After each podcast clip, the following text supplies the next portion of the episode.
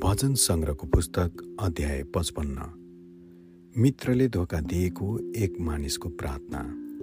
सङ्गीत निर्देशकको निम्ति तार बाध्यमा दाउदको मस्किल।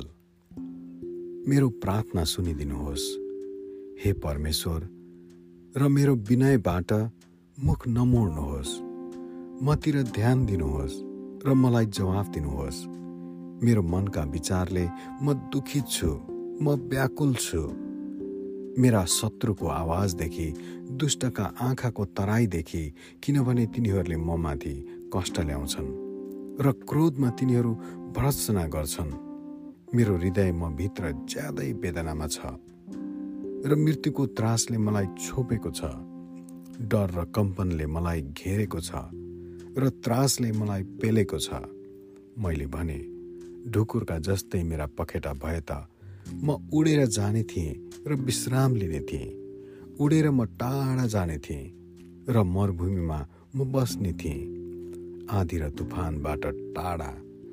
मेरो शरणा स्थानतिर आतुरी गरेर जाने थिएँ।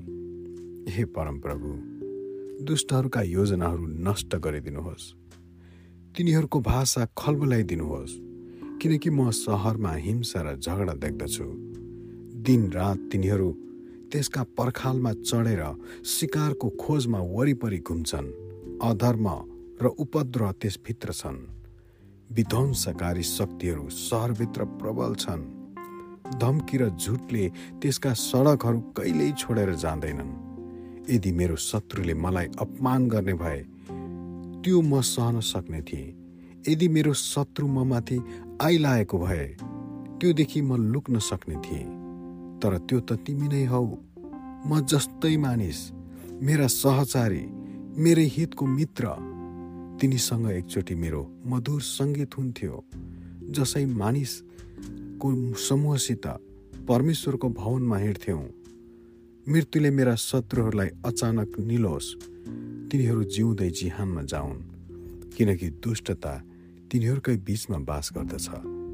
तर म त परमेश्वरलाई पुकार्दछु। र परमेश्वरले मलाई बचाउनुहुन्छ।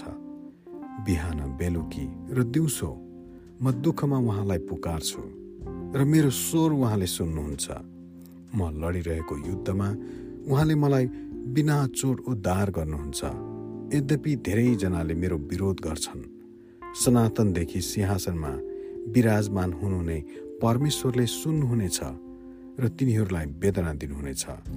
किनभने तिनीहरू आफ्नो बाटो कहिल्यै सुधार्दैनन् र परमेश्वरको भय मान्दैनन्। मेरा साथीले तिनका आफ्ना मित्रहरूमाथि आक्रमण गर्छन्। तिनले आफ्नो करार भङ्ग गरेका छन्। तिनको बोली घिउ जस्तो चिप्लो छ तर तिनको हृदयमा झगडा छ। तिनका कुराहरू तेलभन्दा पनि आरामदायक छन्। तर ती नाङ्गा तरवार हुन्। तिम्रा चिन्ता र फिक्री परमप्रभुमा राख र उहाँले तिमीलाई सम्हाल्नुहुनेछ। उहाँले धर्मीलाई कहिल्यै डग्न दिनुहुने छैन। तर हे परमेश्वर तपाईँले दुष्टहरूलाई विनाशको खाडलमा फालिदिनुहुनेछ। हत्यारा र छली मानिसहरू तिनीहरूको आधा आयुसम्म पनि जिउने छैनन्। तर म त तपाईँमा भरोसा राख्दछु। आमेन।